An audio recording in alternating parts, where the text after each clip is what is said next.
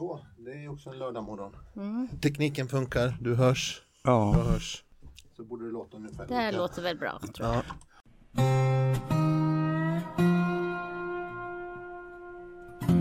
Den här podden heter Berman och Edman och den kommer handla framförallt om tv och 80 och 90-talet. Men vi kommer också att prata om en hel del annat. Men eh, då rullar allting. Ja, trevligt. Då får vi hälsa Maria Hed välkommen. Tack så hemskt mycket. Vad kul. Jättekul att vara här. Och vi är, vi är verkligen alltid så extra glada när det kommer en tjej. För det här är ju väldigt gubbigt. Självklart är ni det. Vi förgyller ju tillvaron för er. Så att, nej, men, nej men för det har vi reflekterat över när vi sitter och planerar här. Att det är ju liksom så här, fan Lars, vi har ju bara gubbar. Ja men det var ju bara gubbar. För vi har inte haft så, vi har ju mest hittills haft folk som har varit liksom bakom kameran på den tekniska sidan. Och där var inte många tjejer på den tiden. Nu är det, ser det annorlunda ut. ja, det är väl en stor skillnad va? Mm. Men jag tycker ändå att det var ju mycket tjejer som la sig i och styrde er gubbar. Det, Det- var ju klassiker. Att eh, man, männen hade lite räkmacka och kvinnorna ordnade till. Ibland. Ja, så är det. Men jag, Absolut, och jag, men, men för det brukar jag säga till folk också. Jag har nästan bara haft kvinnliga chefer. Mm. Ja, jag, har haft, Genom hela det här. Ja. jag, har ju haft, jag har haft ett par stycken eh, som har varit väldigt eh, starka och påverkat mig mycket. Jag hade ju Monica Ek som chef ett tag. Jag vet inte om du har haft med henne att göra. SVT va? Ja, Ja. hon var ju nöjeschef. Och så har jag jobbat för Annie Wigelius. Mm. Och det var jättehäftigt. Um, också en väldigt stark personlighet. Och um, eh, Madeleine. Madde. Madde, ja. Stenberg. Madde Stenberg. Mm. Och sen har, och du och jag har jobbat med Anna Bråkenhielm som chef. Ja, eller kommer- nej, vi, när jag jobbade med henne så jobbade vi i redaktionen, Adam. Okej, Eh, och då var hon redaktör där. Så hon hade inte hunnit eh, snappa upp där. se där, vi undrade just eh, vad vi hade sett, men Adam var jag med på Ja. också. Eh, då måste jag kolla en sak med dig. Men, men vet du var vi brukar börja någonstans? Att, att du får berätta lite, hur, kom- hur, hur började du med det här? Vad, vad var det som gjorde att du började med tv? Eh, det var den här briljanta killen Lasse då, då som körde igång med ett program som heter Daily Live.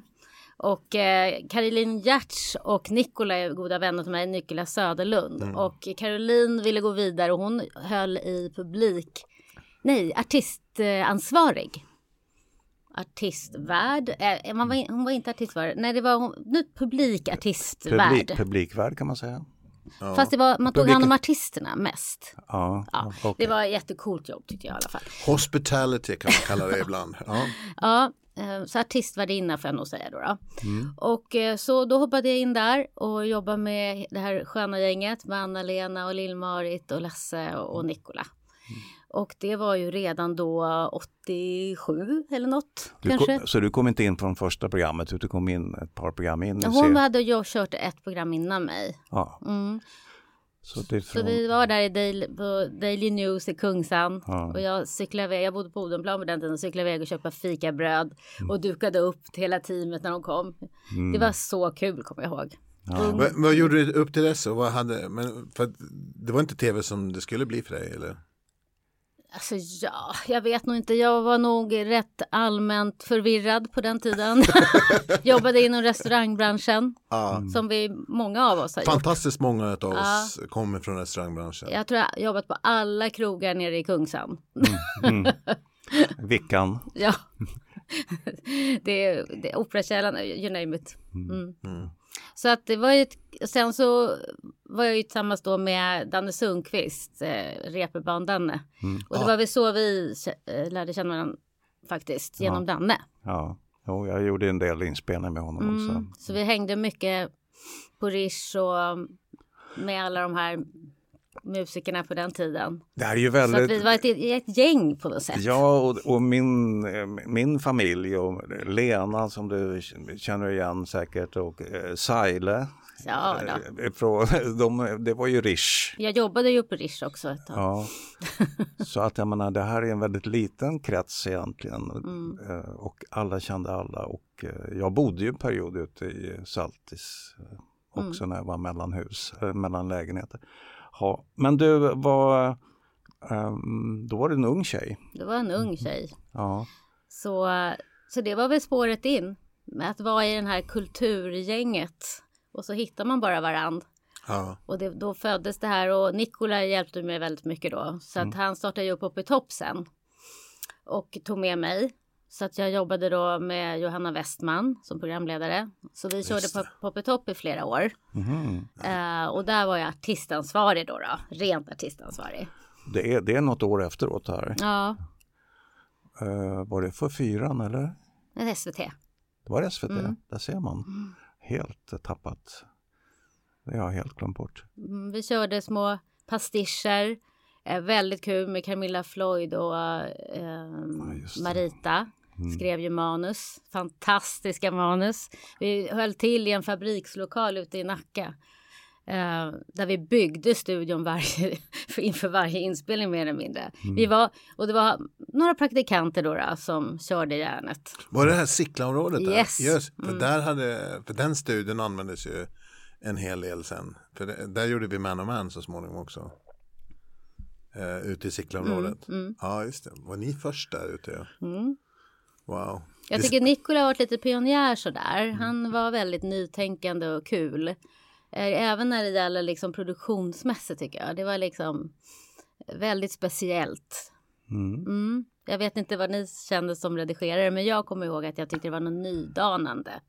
Ja, jo, ja, nej, men jag hade ju mycket att göra med Nikola och jobbade ihop med honom i flera år. Så att, eh, så att, eh, men sen så skildes våra vägar lite grann och han drog iväg. Han var ju väldigt, eh, eller är ju väldigt eh, driven och, och en, en driftig person. Och, eh, jag hade ju lite paus också, att, jag, att jag inte var så aktiv några år också och eh, fick familj och så. Då försvinner man snabbt. Det går ju väldigt fort. Det går väldigt fort, det har jag också gjort periodvis.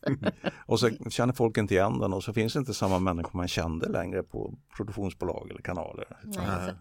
så är det. Så, men eh, mm, vad hände sen då efter, efter de åren med Nikola? Då tog han med mig, eh, de startade upp Adam, eh, hans sitcom, nej inte sitcom, vad säger jag? Talkshow. Talkshow. Och eh, så var jag med där som artistansvarig, det var mycket det på den tiden för mig, Artist-Maria. Ja, jag just körde det. typ alla artister på Strix och Kanon-TV och bokade. jag och Pian Björk var med också. Men eh, det var lite senare. Men då så körde vi det. Några år, jag, kommer, jag har så otroligt svårt att komma ihåg tid och år och sådär. Det bara Ja, blir det, rörigt, just i den här grötigt. podden gör inte det. Nej. För det är själva, själva så- idén att det är så. Det är så ointressant också. Det är så o... Ja, men Ja vi, men då, då bokade du en av mina absoluta favoriter, One Hit Wonders, som heter Ardis. Ja, ja, jaså. Wow. Ja, fan, ja, jag gillar den här Shotgun. Och de två lå- Hon gjorde två låtar eller någonting. Så jävla... Ja, Jag stod verkligen, jag var på tå där med artister. Jag var väldigt noga och skulle vara först på och satt och ringde vet du, skivbolag. Eh, och ja, så vi var väldigt liksom på tå och tog in artister. Ganska, vi fick in rätt, i början var det lite trögt för det är ju alltid. Trean är- har aldrig varit rätt, lätt att få in artister. Nej. Nej, det var lite inte lika fint. Eh, och eh, på SVT fick man in vem man ville, men man fick jobba rätt hårt. Men sen tror jag att det där ändrades med Adam, för det var ju rätt bra tittning på det, tror jag. Och Ja men också målgrupp. tittning men också det här man, man var rädd, eh, gick man till trean skulle det vara något pajas eh, skräp liksom. Ja, och det, var ju, ljudet- det var ju inte Adam. Men ljudet var inte kul, alltså jag vet ju när man det var inte roligt. Jag förstår artister ibland. Det var ju satellitljud. Liksom. Det var, ibland så um, gick det inte att fixa. Om det så var olhästar som stod bakom rattarna. Liksom. Men det gick inte ibland. Faktiskt. Okej. Ja, Ja, det, var, det är känsligt det där med eh, Daily Live hade ju ett problem i början. Vi hade ju ett, en, eh, en premiärsändning och jag tror det var andra programmet också som vi hade strul med ljudet som att, att det inte gick ut. Det hördes väldigt bra där vi gjorde det men att det gick någonting med sändning och vi pratade om det en gång, eh, någonting med fasproblem. Ja just det. Så att det inte lät bra hemma. Fa, och sen- fasfel. så, och art- eh, skivbolagen var ju, tvekar ju att, att eh, boka hos oss. För att, Tack, tack vare det. Ja. Ursäkta. Ja, Ja, men ljudet det är ju det, det är vad man som artist vill förmedla. Så att det är ju det är väl i första hand det som ska vara bra. Liksom. Absolut. Och där fick vi jobba jävligt hårt alltså, för att få in. Så det kan jag säga. Mm. Det var trean och eh, fyran var ju lite bättre då, men det var ju inte. De var inte eh. SVT var kung om man fick. eh, Kung. Kung. Du jobbade med Blixten. Blixten på skivbolaget Blixten, du menar du? Ja. ja. Ja, han var ju faktiskt skivbolagsdirektör på den tiden tror jag. Mm. Var han inte det? Ja, för att han Men jag jobbade inte direkt med honom så. jag för mig att han var på EMA. Men just det, Emma Telstar ja. ja. Men det där tänker jag också så här som, eh, som konsument i det här fallet också så här. Hur mycket fick ni dra och hur mycket var det skivbolagen som, som bestämde agendan liksom? Var det utifrån eran smak och vad ni ville ha som var utgångspunkten eller tog ni vad ni fick? Vi tog absolut inte vad vi fick. Jag gjorde det aldrig och det var ge och ta. Och jag hade otroligt tunga diskussioner med många som ville att vi skulle, alltså vi betalade ju ofta inte för artisterna. Nej. Eh, jag vet att jag har haft riktiga tunga samtal, till exempel med Marie Ledin om det där. För att de utnyttjade ju oss lika mycket som vi utnyttjade dem. Så jag vet inte, det var ju e- att exponeras i ett program är ju guld värt för en Ja, artist. det, Så att vi, jag tror inte, det var ju inte poppy top. Det, nu är det ju preskriberat, men vi betalade inte en spänn. De var ju ute och spelade in långa eh, ja, pastischer och eh, det kunde ta ibland en till två inspelningsdagar för artisterna. Mm. Ja, så egentligen så tycker och, och jag håller ju med dig där. Det är inte tv-bolaget som exponerar som ska betala. Det är skivbolaget som, får, som ska betala artisten i så Mm. fall. Jag vet inte hur det är idag faktiskt, men jag tror inte att det är på samma sätt. Jag vet inte. Jag kommer ihåg hur det var med SVT. Vi, hade ju, vi var lite mer styrda av lagar och förordningar. Vi kunde Mm. liksom inte bara ta in folk gratis. Men jag vet att vi bokade rätt mycket artister som fick motsvarande statistgage. Och det var en tusing typ. Mm. Så att det där var ju mörkt. Alltså, Men jag jäm- jämför det där med ett tag. Jag vet inte om jag skrev det i min bok. Men det, det, just det här med de här städbolagen som är liksom McDonalds tar in ett städbolag. Mm. Ett snyggt. Och sen är det de här underleverantörerna och de betalar inte ett skit. Mm. Så att det var likadant med artister. På SVT tänkte jag. De hade, har ju väldigt strikta fackligt och så regler för det där. Mm. Men i och med att vi var ett produktionsbolag kunde inte de se vad vi gjorde med artisterna som vi tog in. Nej. Att vi betalade eller inte. Nej, eller till exempel att man inte betalade personalen övertid i det här bolaget. Ja, exakt. För så var det ju också och det kan jag säga, här, det visste SVT-personalen Mm. om. Att har vi mellansteg här då kan vi Mm. ta ut en 14 timmars arbetsdag utav den här fotografen. Det gör ingenting. Sade han bittert. Men, jag, Men som- så var det ju. Jo, men så alltså, det. när jag började på Poppy Top, då fick jag tusen spänn och en inbjudan till julfesten liksom. Och jag... det var liksom, det var jag fick för en hel säsong liksom. Och då, men jag kände så här, jag var så otroligt målinriktad så jag bara, ska jag göra mig oumbärlig här?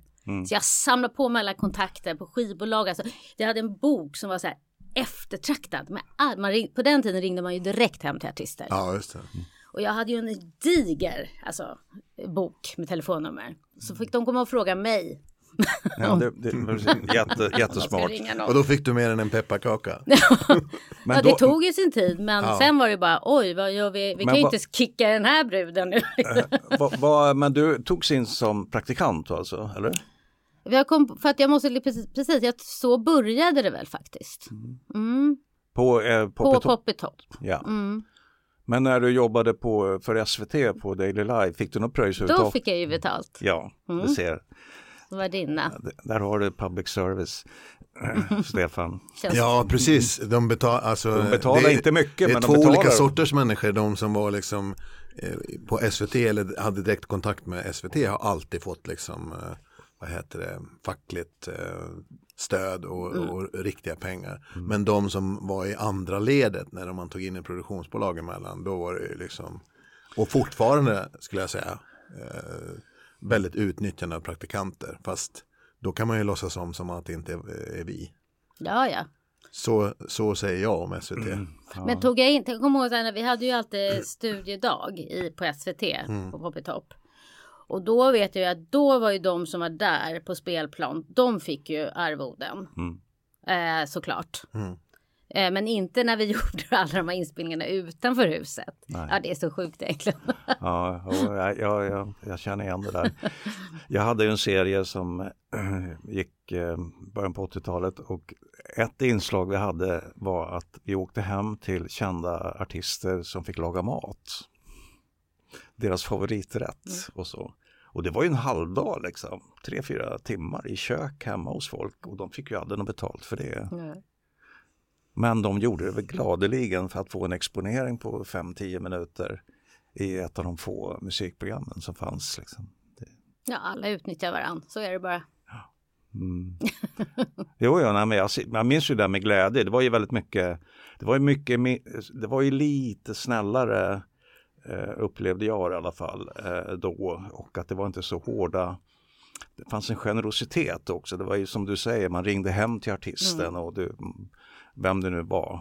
Eh, Och, och eh, man nästan som man umgicks med artisten också vid sidan om, eller hur? Man, Ja, ja, man träffar gud. dem på krogen. Och Ja, man. Eh, Peter Jöback var ju ganska okänd. Eller han hade gjort någonting. Och han fick ju betalning att eh, vi skulle göra en video till honom. Han hade alltså typ huvudrollen. Som eh, i Pop Top var med varje vecka. Och han fick en musikvideo i betalning. Ganska kackig faktiskt. I en bil, jag vet vi har satt i en baklucka. Och så satt någon med handkamera och så gick han bakom och så körde vi runt där nere i Hammarby sjöstad. Det var inte Hammarby sjöstad, det var ju bara industri. Ja, ja. Nej, men det finns jättemånga sätt och mycket konstiga deals. Och eh, ja, i ett projekt så var en av mm, våra medlemmar i redaktionen fick en bil, en, fick överta en, en av mina gamla bilar. Sa han och tittade på mig. Så jag har faktiskt övertagit en av hans gamla bilar fast, fast betalat för den. Den, den gröna Mercan. Ja, ja, det här var en annan Den ska vi inte- rostig Merca. Ja, precis. Det, det är så roligt också här, för att jag, jag sminkade även. Alltså jag tyckte väl att jag kunde det. Och eh, så vet jag att jag, en sån här rolig anekdot är att Lennart Svan kommer. Och han är ju ganska divig. Och han skriker högt åt mig. Du sminkar mig som en geisha! Då hade jag alldeles vitt puder på honom. Och du vet, det var en sån här grej som hände hela tiden. För vi, alltså de måste tro att de kom in på ett dårhus på Strix. Det var liksom, folk gjorde ju i princip allt själva. Det var ju så. Man hoppade ju in överallt. Det var ju liksom ingen limit för vad, vad gränserna gick. En dag kunde du stå som ljudteknik. En dag sminkade du. Ja, eller hur? Och det var kul Mm. också. Jag tror att det föder också en otroligt rolig kreat- kreativ miljö. När människor kämpar på det här sättet och gör det för att de tycker det är kul. Så det jag, vet, det, jag tror att det också är positivt Ja, att ta sig in som praktikant och inte få så mycket för det ibland. För att det, det, det föder någonting. Det var, Nej. inte, det var inte så att du, du kom in i en period när det ändå var ganska generöst och att man hade som praktikant faktiskt en möjlighet att f- utvecklas och stanna kvar. Ja, det var ju så. Lite lättare då Lite, kanske? Ja, men det var inte så kul för de som åkte ut. För det var ju några som gjorde. Ja, för de slet ju. Nej, men för, för det ska man komma ihåg, sa det, den bittre medelålders mannen, att, att vi var ju där för att vi ville. Eh, Och att vi ville verkligen liksom slåss för att vara kvar. Åtminstone sen i början. Men det var sen först senare som man upplevde de här, men herregud, de här arbetsvillkoren. Och, och det måste jag säga till Strix försvar också. Att, att de, senare åren när jag har jobbat på Strix så har de liksom rättat till det. Och, och är ett av de bättre produktionsbolagen. Så, för vi kommer att trasha dem rätt hårt då, snart om vi börjar prata arbetsvillkor på Strix. så de, de, det ska jag säga till deras försvar att de var faktiskt. För du kom till Strix då, berätta om det. Som, Ja, men jag kom... Eh, men det var ju så med efter dig, alltså med, med Poppet Top då så kom jag till Strix, i Luma-parken där. Mm. Och det var ju två våningar. I botten satt ju Strix och en trappa upp satt det lite finare gardet kanon-tv. Det var liksom rätt roligt. Det var tro, två olika världar. Där uppe var det lite vitt och lite glossigt. Och där nere var det rökigt och högt i tak liksom. Och Det var ett helt två skilda för de gjorde lite mer galor där uppe.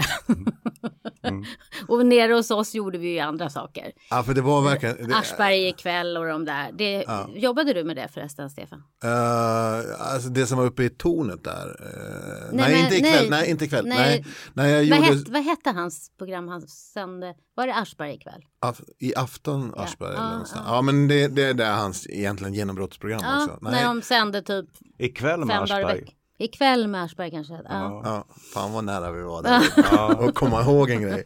Nej, men för då var inte Jag jag... kan inte godkänna det svaret. till- Liksom. Nej, det här var före den tid då jag var inne Mm. där eh, i, i mängd. Utan jag var där snarare, kan det vara 90, eh, 2000, 2001. Mm. Då är jag fast där. Mm. Så det, det här är tidigare. Så det var jag inte med på. Men det här, om, du bara, Annat än att göra något inslag eller något inhopp Mm, sådär. Men jag, om vi ska datera det här då, efter Poppitopp. En Poppitopp gjordes alltså av, av Strix för Ja, SVT? ja, Okej, exakt. men det, och då pratar vi åt 92 eller? däromkring? Ja, för att jag satt och funderade på det. För jag, när jag, jag har ju skrivit min bok Green Room. Som, eh, och där så, så funderade jag på åren och då var det så att eh, när det blev krig i forna Jugoslavien, det var 92. Mm. Och så funderade jag, för när det, när det blev en flyktingkris här 2015 så blev jag väldigt så här, vad gjorde jag när vi hade ett stort jävla krig sist här? Och jag egentligen bara gick igenom det utan att tänka på det. Då jobbade jag på tv såklart. mm. Och då, då var det 92 och då var ju det precis när allting, alltså i, i sin linda där med kommersiella, jag tror fyran precis började etablera sig. Jag kan ha fel på årtal som sagt men jag, och eh, det är en väldigt spännande tid eh, där. Eh, så i min bok då korsas i de här världarna och då är det därför jag skriver väldigt mycket om den, just det här vi pratar om, den här rökiga miljön. Det är en nyckelroman, det är absolut inte sanningen i den. Och, och där har vi den här miljön vi pratar om nu med det här trashet, det här utnyttjandet liksom av folk och Ja, det, jag har inte läst hela. det, det är alltså, möblemanget är från Frälsningsarmén. ja, precis. Det är så. Ja. Ja, på riktigt. Ja, ja, jag I- Inte liksom på låtsas, det- på riktigt. Så, så ser det Ja, men jag, jag, jag, det, det jag har läst, eh, och jag får en stark känsla av att, att eh, jag känner igen eh, både karaktärerna, jag känner igen typen av situationer, redaktionsmöten, jag känner igen eh, hur det är med den här pecking order, liksom att någon någon får ta skit, eh, men tar du inte skit så ja, finns det någon annan som vill ta skit. eller, va? Och jag anar någonstans en ilska i den här boken du har skrivit ändå. En, någon slags, fan alltså de ska inte komma i- undan. Så här var det mycket, många gånger. Nu har ju du dramatiserat kanske lite i din bok, men jag tycker det är väldigt häftigt fångat just Eh, vissa karaktärer som man då tänkte det måste ju vara han. Alltså, Men det är en nyckelroman vilket gör då kan man låna vissa karaktärsdrag från olika personer. Ja. Baka ihop dem till en. Men på ett sätt så känner jag ju att allting är sant. ja, och den finns som e-bok.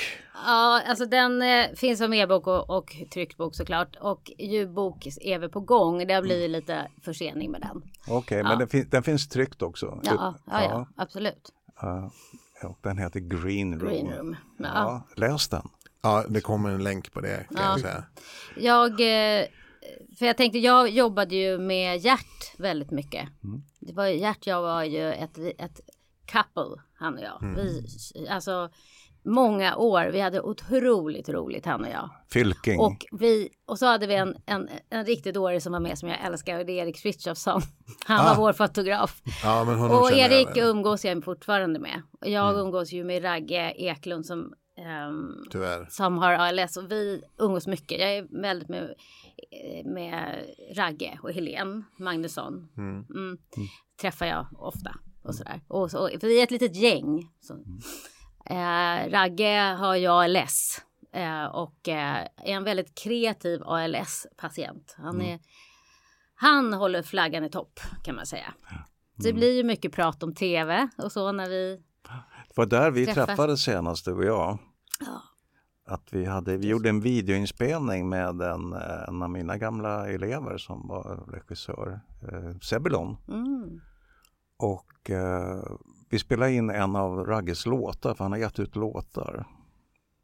Det kan, man, ju- det kan man också lämna en länk till. faktiskt. ALS-Ragge finns på Spotify. Och han är gammal redaktör och tv-producent kan man säga. eh, regissör. Regissör Ja. och eh, en legend.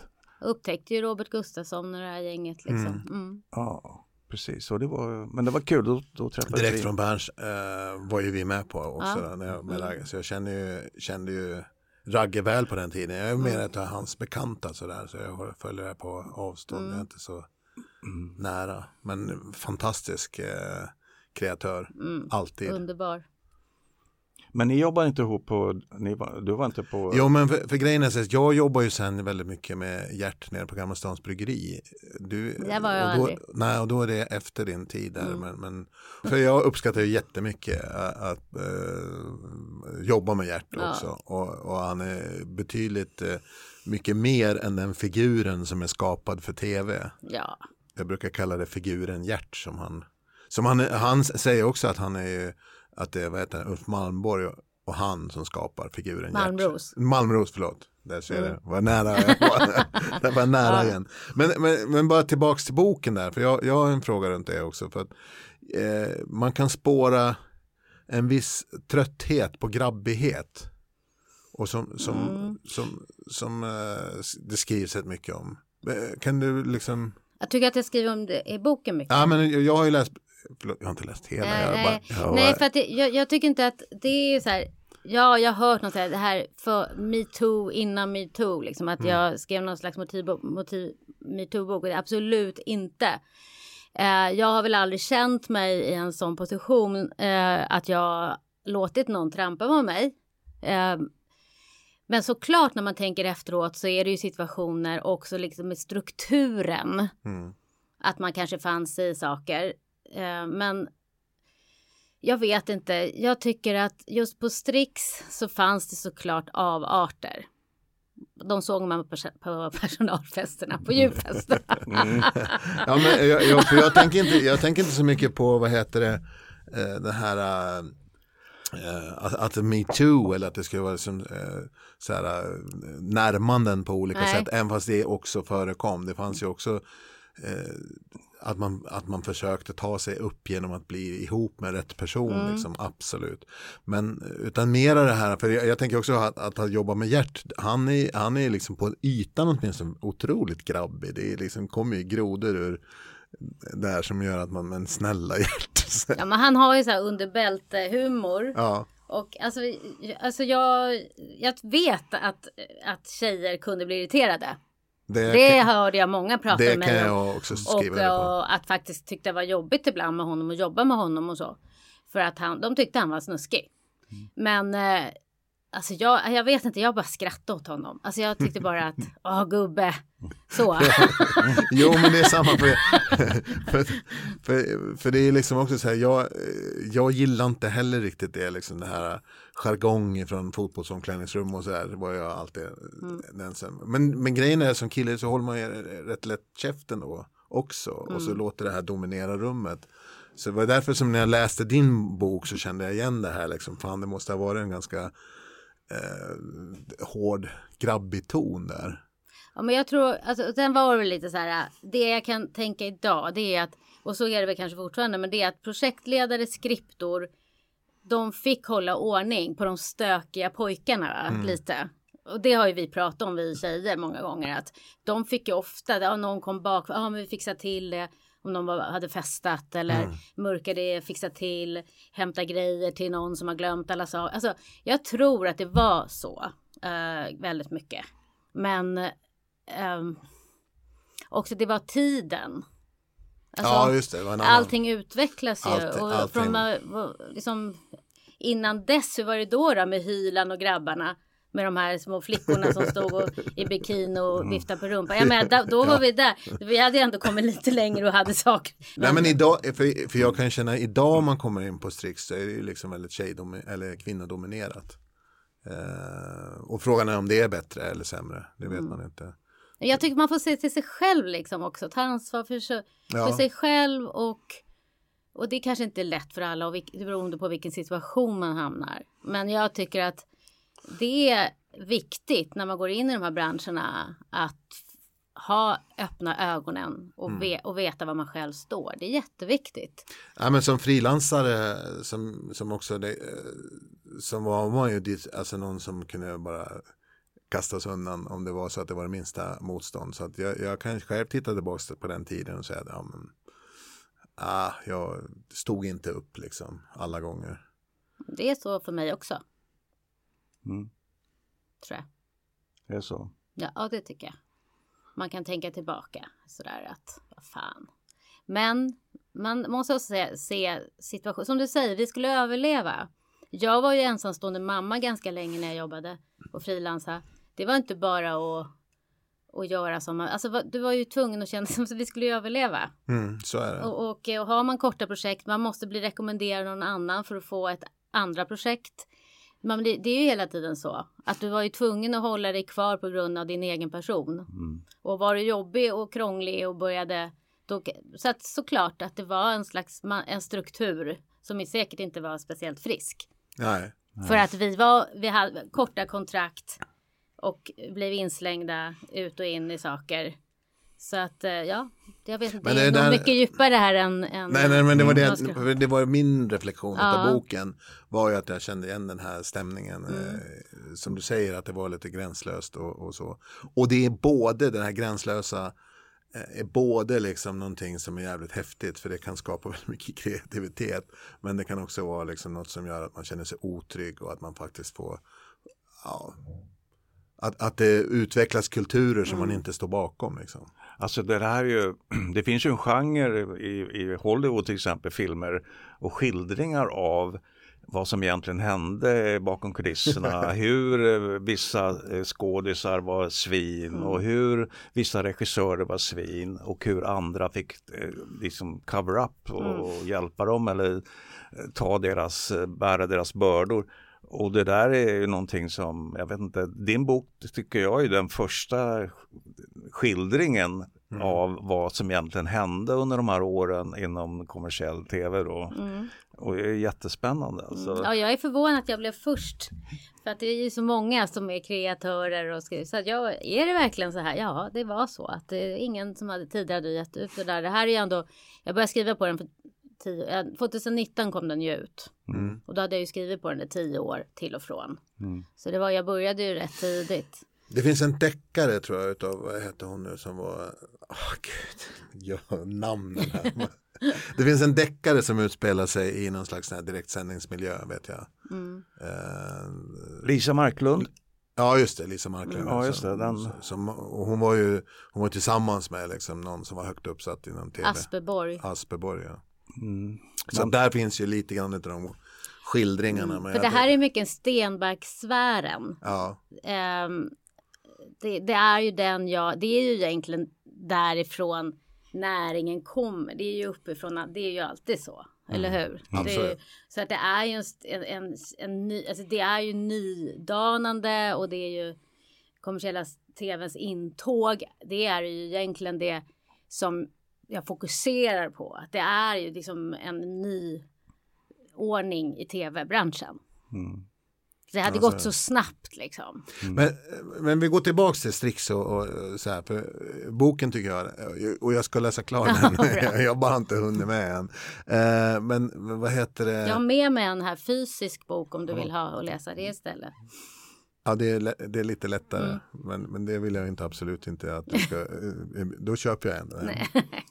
Men i alla fall så, eh, du var alltså mera som, eh, du var inte med på den här, eh, det som varit eh, Strix varumärke senare med, med reality-tv. Var du med inblandad då?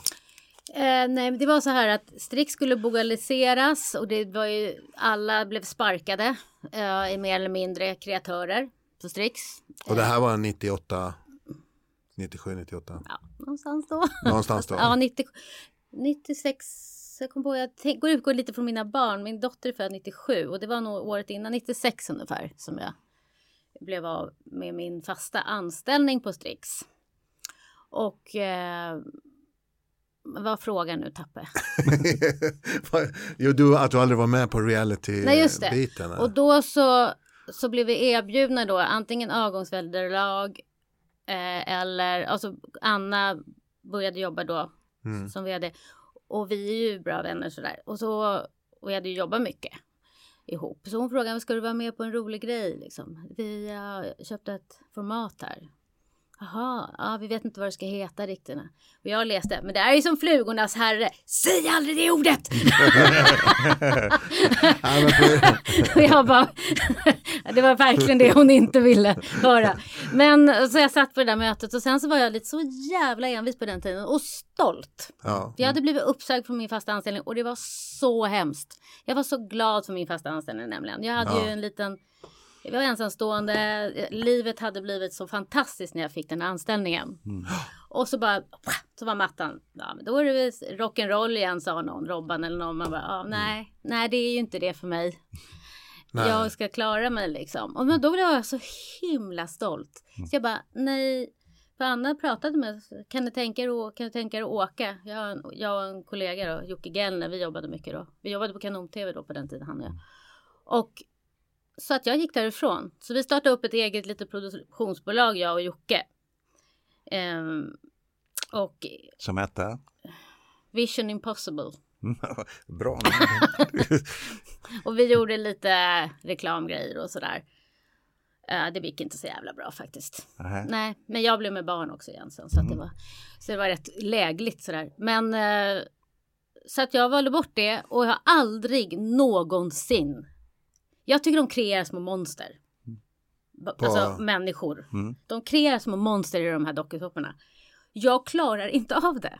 Att, ehm, jag tycker att du ska färdigheter. Jag älskar färdigheter. Jag älskar kunniga människor. Jag älskar liksom människor som har kunskap och kan berätta saker. Men här ska de ha in en galning, en snygg, en, äh, ja, En gam- fuck it. så här, En gammal. en gammal, en psykiskt sjuk. Ja. Nej men jag vet inte, jag är, det är säkert Nej, men jätteroligt att casting- jobba med. Casting, ja. Nej men eh, för då delar vi faktiskt det. För jag, jag vart också erbjuden att åka på första Robinson för det är Mm. det vi pratar om. Och eh, jag läste om det och kände shit det här vill inte jag vara med om och sa att jag var bokad Mm. och så åkte jag inte. Och, och sen har jag gjort väldigt mycket reality och, och, Mm. och tycker att det är en genre som man liksom kan jobba med. Men jag, jag tog själv avstånd från Mm. början. Så jag förstår det. Men jag tänker så här, jag ska inte vara så för med för att det är säkert skitkul och det utvecklas och men när jag såg det här Big Brother och sånt där, jag tycker det var bara mänskligt förfall. Va? Att, eh, jag tycker det var tragiskt. Det var många människor som för, for illa också. Ja, en, Och jag är känslig för sånt. det är det. Att de vet inte vad de går in i Nej, och vad de kommer ut som. Alltså det, du kan ju förstöra ett liv liksom. För människor. Där är jag, där står jag fast. Sen så hade jag säkert, jag började på eh, modern tv efter det här. Och det var ju som ett litet strix. Vet ni vad modern tv var för? Modern tv har jag ju också jobbat på. Har, Så vad- varför har vi inte sett där då? jag har sett dig där. Ja men det är det som, vad, vad gjorde du där då? Redaktör och producent för Media 8 och Kulturottan och lite annat. Det hade jag att jobba upp med. Jag jobbade ju faktiskt chef? upp med från praktikant några år. Vem var chef där? Eh, Karl eh, Larsson. Karl-Olof Larsson. Ja, ja, men Ah, hon, men- honom har vi, vi jobbat ihop med, eller hur? Ja precis. Vi gjorde någon skum grej för trean. Ja men då, för, för satt ni nere i tobaksbolaget där på, på, på Söder? Eller Ja, på var- Söder. Ja just det. För det, var, det var lite senare för vi var fortfarande kvar uppe på vid eh, Kungsholmen där. Mm. Men Okej. så var det tre, fyra våningar upp. Ja. Och där är nästan det roligaste jobbet jag haft. Och då jobbade Erik Frithiofsson där också. Mm. Ja. Jag kamperade i alla år. Vi alltid, våra vägar har alltid mötts. Ja, Och eh, så tyvärr så slog de ju ihop det med Strixen. ja Och precis. då försvann jag. Och då kände jag, Men då, men då måste vi, ja men för då är det framförallt där vi har setts. För då, men vi har inte jobbat inom samma produktion men jag var ju, jag gjorde väldigt mycket med modern tv. På jag jobbade med. Susanna Popova. Var producent för Media 8 där. Ja, med- Popova jobbar med efteråt med nästa projekt, Access TV som Mm. Ja, det jobbade jag också med. Jag, men jag, herregud, jag ju- gjorde ju Engelsbergssamtalen. Ja, jag var ju producent för det. Ja men då, för jag, då har jag varit teknikansvarig åtminstone tre gånger för Engelsbergssamtalen. Så där, vi kom äntligen fram till att Tänk vi, att jag har suttit med en ung Peter Wolodarsko och till Marit Paulsen Ja. och ätit gryta i hennes kök. Peter var, han hade en liten te- tv-karriär där ett tag. Ja, eh, Och vi satt och träff- träffade Ingvar Carlsson och alla, du vet. Men alltså jag, jag, är, jag är tittare i det här fallet. Jag, jag tittar ju på Access TV Ja. fortfarande och Ja. de kör ju de här samtalen fortfarande i repriser. Gör Ja, det är ofta, det är lite grann som, vad hette eh, TED eh, TV eller vad TED. Mm. Ja, Ja, att men det är jag- rätt bra grejer, tunga Ja. ämnen och så. Mm. jävligt kul att vara med. För jag har också, eh, jag har sett att eh, och delat flyg med Peter Wolodarski Mm. från, till och från Davos. Otroligt kul och, och, och väldigt, väldigt ung. Ja, så fin kille. Han Men så, så jättekul att, Ja. att sitta och snacka med. jätteduktig. Jag kommer ihåg man tänkte här, det här kommer bli något. Och det blev det ju. Det, det blev, det han blev. jobbade ju på DN då. Jag tänkte så här när jag var vi gjorde någon reportage med honom så här inför någonting. Och så här, men han har fan ett eget rum redan tänkte jag. Ah, det här blir nog att han kommer snäppa upp här i huset liksom. För då var han ju bara en ung eh, journalist. Liksom. Ja. Men Popov har, har jag träffade jag i somras. Mm. Så att, eh, hon, hon lovade att lyssna på den här podden. Jag, jag har lyssnat på hennes Mm. podd. Eh, så att, eh, det ska jag tipsa om att det här avsnittet måste hon bara eh, höra. Ja, det var roligt. Hon var duktig. Vi Ja. gjorde ett ganska, eller väldigt bra mediegranskningsprogram tycker jag. Det var riktigt vasst. Mm. Hon är duktig liksom. Det, Som inte finns längre på tv, eller hur? Nej, det finns inte. Det finns på radion har vi medierna. Mm. Men det saknas ju ett granskande program. Nej men modern tv och hela liksom det här, det, det var ju Stenbecks alibi, eller, och han gillade också det. Så han gjorde ju det här därför att han ville också ha en politisk eh, tung diskussion och tog in ju liksom Göran Rosenberg Rosenberg. och, och, och, och Karl-Olof och, och eh, Kinna Belander var där. Och, och, så det var ju liksom tung journalistisk garde. Och eh, nej men vad jag gjorde där, för det hoppas jag, det var ju att jag gjorde en, en med Per Lappins och Åsa Blank gjorde en serie för TV3 om eh, svenska folkets sexvanor. jaha, okej. Och den blev ju aldrig sänd. Mm, Så men det skulle jag vilja, men det var, men det, var- Där var- det är ett var- annat program. Där var jag med. Just det, där var du med. Ja. Ja, Åsa Blank och Petter Hansson Just det. jobbade ju där då. Och eh, vad heter Åsa Blanks kamp? Johan, Johan Palmgren. Ja, så de är så, åh vad duktiga de var.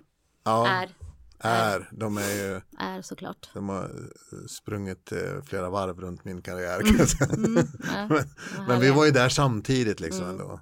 Men vad tog du vägen sen då? Ehm, efter det. Gud, alltså det är så svårt det här för mig. Men jag eh, tror att jag, jo, när modern tv klappade ner så skulle jag gå med Karl-Olof till eh, Ax- Access. Access. Och han, han ringde, jag frågade, han fick frågan, då, och jag, men gud vad roligt, plockar du med mig? Tack! Jag var så glad. Men då skulle vi fortsätta göra Mediotta.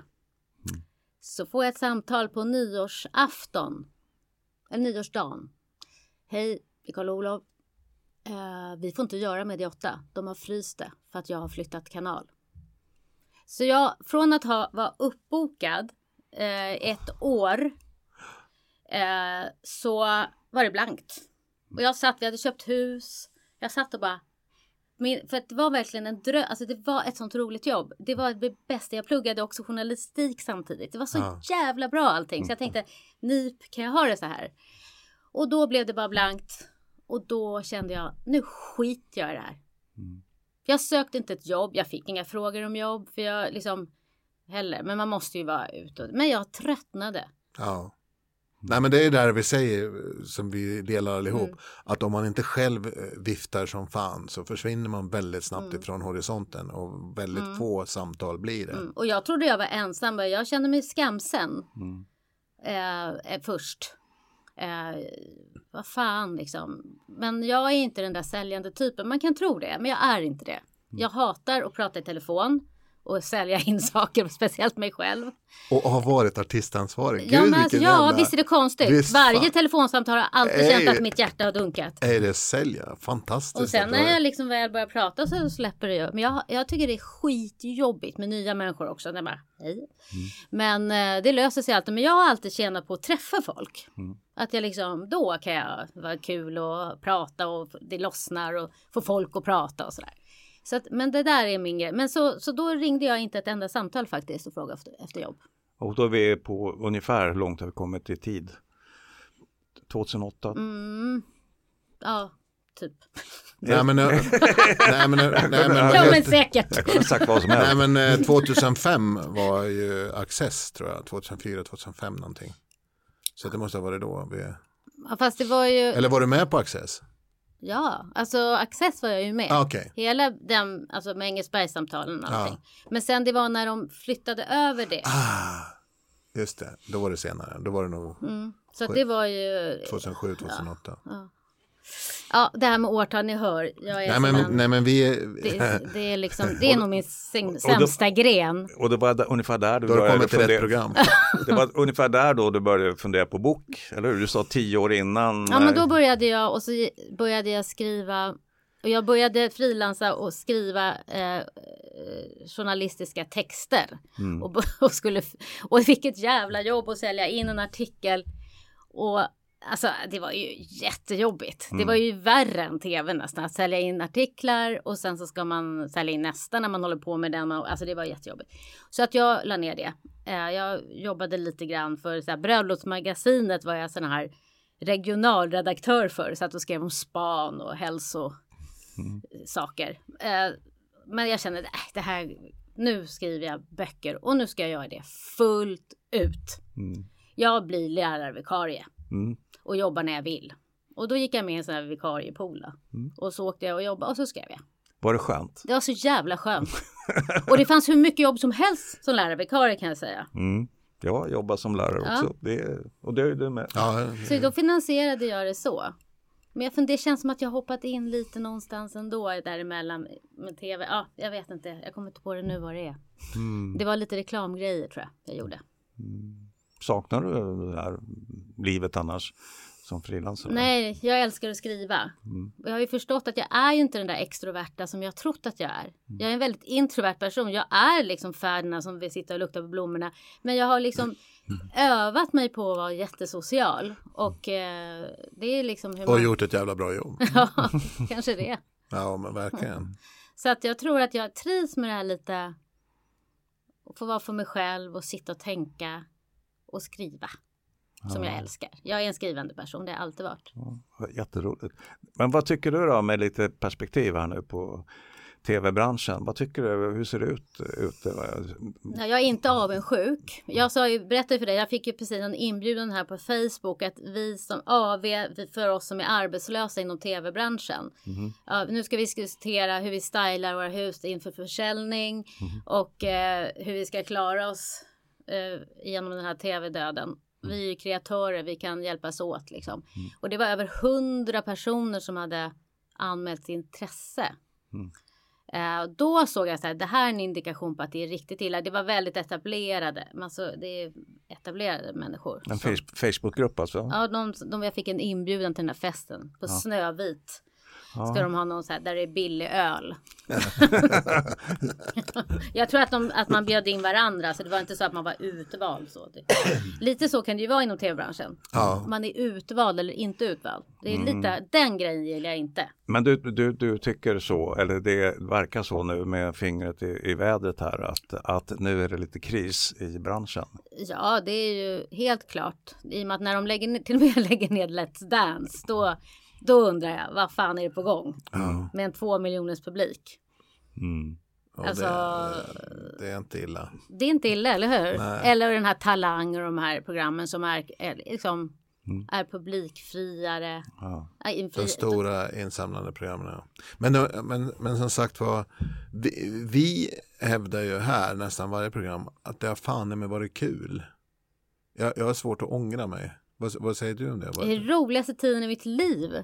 Och tänk alla er och alla som jag har lärt känna genom åren och vilket, vilket nätverk man har av kontakter. Och det, jag, det är så här, min release av min bok så var det ju jättemycket folk där från tv såklart. Och då, så, då fick jag den frågan. Elinor Persson var moderator. Hon sa, vad, vad är det roligaste med det här? Eller hur känner du inför den här med din tv-karriär? Jag bara, nej men det är det roligaste jag gjort. Mm.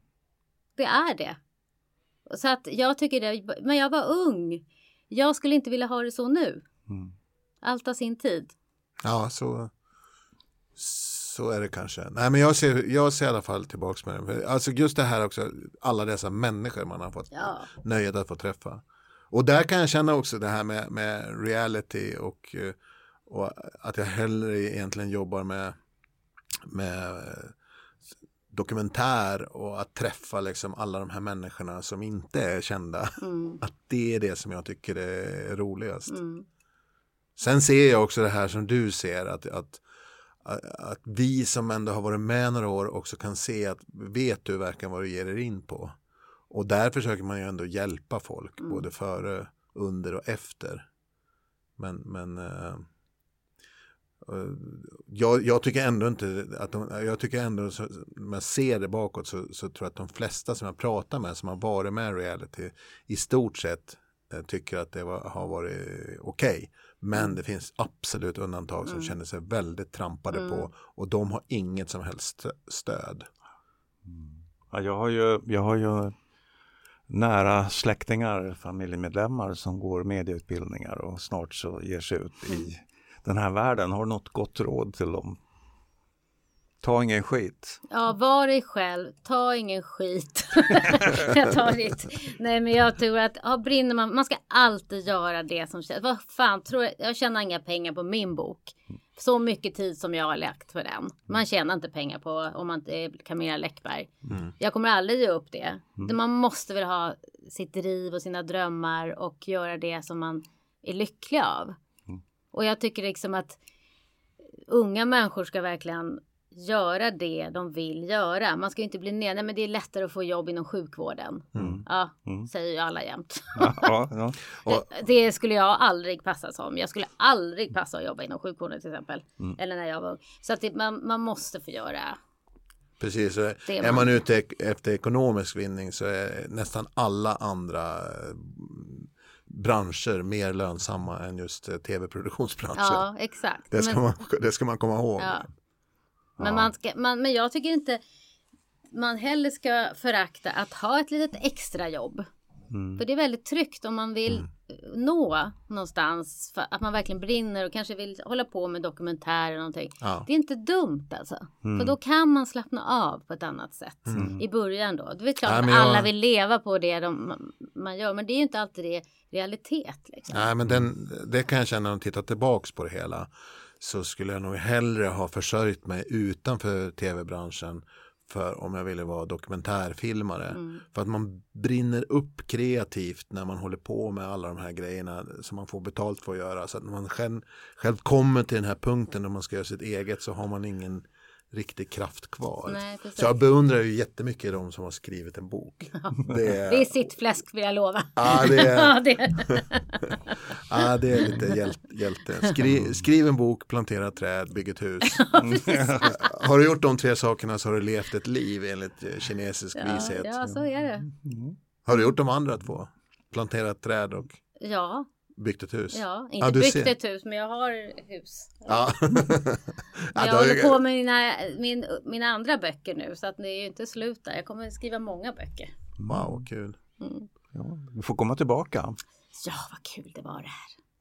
Ja, det var jätte, ja, jättetrevligt. Och det som är så fantastiskt också är som sagt hur mycket vi, vi känner igen varandra så väl, men jag mm. tror fan inte nästan att vi har jobbat i samma produktion, annat än Adam, men mm. då jobbar vi också på så olika ställen. Ja.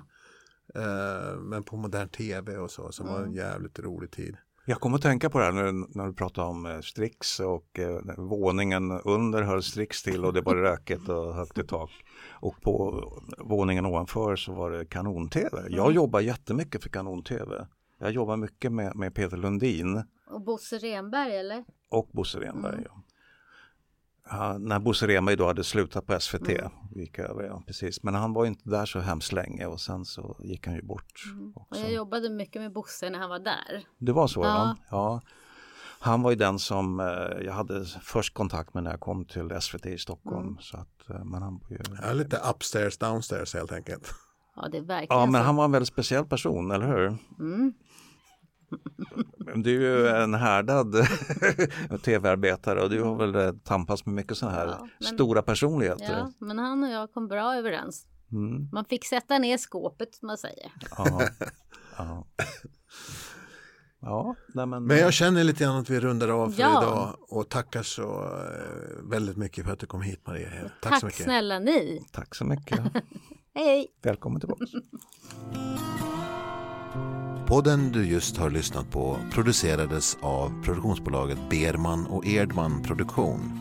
Musiken kommer från audionautics.com och du följer oss på Facebook där vi har en grupp, Berman och Erdman.